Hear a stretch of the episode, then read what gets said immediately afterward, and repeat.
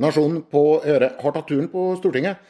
I spørretimen i dag så ble det avdekka eh, rimelig lunken kriseforståelse for at vi har kraftmangel som truer om eh, få år. På Stortinget skal vi høre at flere er opptatt av hvordan vi kan bruke enda mer strøm. Nærings- og energistatsrådene møttes i Stortingets spørretime på onsdag. Timinga var den beste, utsiktene er de verste. Statnett spår kraftmangel fra 2027. DNV fra 2026. Price Waterhouse Cooper analyserer et behov for 75 milliarder kWh ny kraft innen 2030. Næringsminister Jan Christian Vestre fra Arbeiderpartiet vil sponse kraftkrevende batterifabrikker rund baut. Eh, men er det lurt når kraftmangelen truer? spurte Sivert Bjørnstad fra Frp. Spørsmålet er fint. Bjørnstad har da også de beste forutsetninger for å vurdere kraftmangel, siden partiet hans sier nei til all ny vindkraft. Sitat. Batteriproduksjon har potensial til 20-dobling de neste tiårene, svarte næringsministeren. Vi har mineralene og kunnskapen, sier statsråden. I tillegg til statlige risikomilliarder, så klart. Slike er en selvfølge for Jan Christian Vestre. Men disse nye fabrikkene trenger også kraft. Og kraftproduksjonen hvordan er potensialet der? Bård Ludvig Thorheim fra Høyre ville vite om olje- og energiministeren tror det er mulig å øke produksjonen med 50% Sitat, Vi gjenopptar saksbehandlingen av landvind. Det vil bidra til mye mer fornybar energi raskt, svarte Terje Lien Aasland. Ulikt næringsministeren, som altså har tallfesta sine vyer for forbruk, ville ikke Aasland datofeste eller angi hvor mye ny produksjon det er snakk om. Det kan ha å gjøre med at regjeringa nettopp har skrudd til skatteskruen for ny fornybar kraftproduksjon.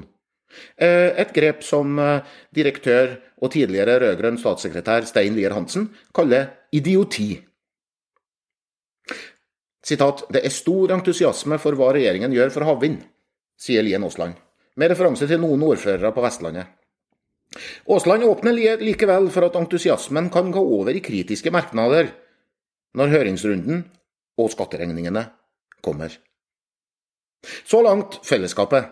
Rødt, som er privatforbrukernes gode venner på Stortinget, advarer mot betalingsproblemer for strømkundene. Folk flest blir ikke omfattet av regjeringens fastprisregime på strøm, sier Sofie Marhaug.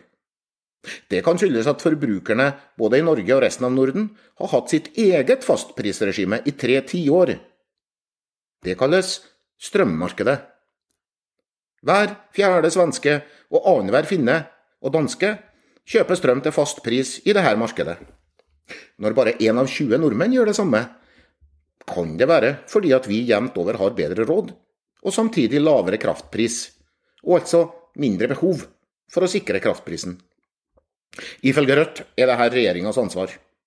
Kanskje kan energiministeren høre med sine svenske og finske kolleger om hva de har gjort for å øke fastprislysten hos sine forbrukere. Marhaug spør er det et mål med kraft til under 35 øre kilowattimen. Det ville ikke statsråd Aasland bekrefte. Og det er ikke så rart. Det er knapt mulig å bygge ny kraft til særlig eller lavere kostnad enn 35 øre kilowattimen. Og kraftbransjen ønsker altså stadig å se fortjeneste på krafta de bygger ut. I alle fall etter at regjeringa nettopp har økt skattetrykket og skatterisikoen for nye utbygginger. Nedbøren i høst har dempa kraftprisene for vinteren. Rødt mener det er tryggere å lite på kraftpolitikk enn på værgudene. Vi får tro partiet har rett. Svaret vil vi få i to trinn. For det første hvor mange nye kraftverk søker bransjen om å bygge ut de neste åra?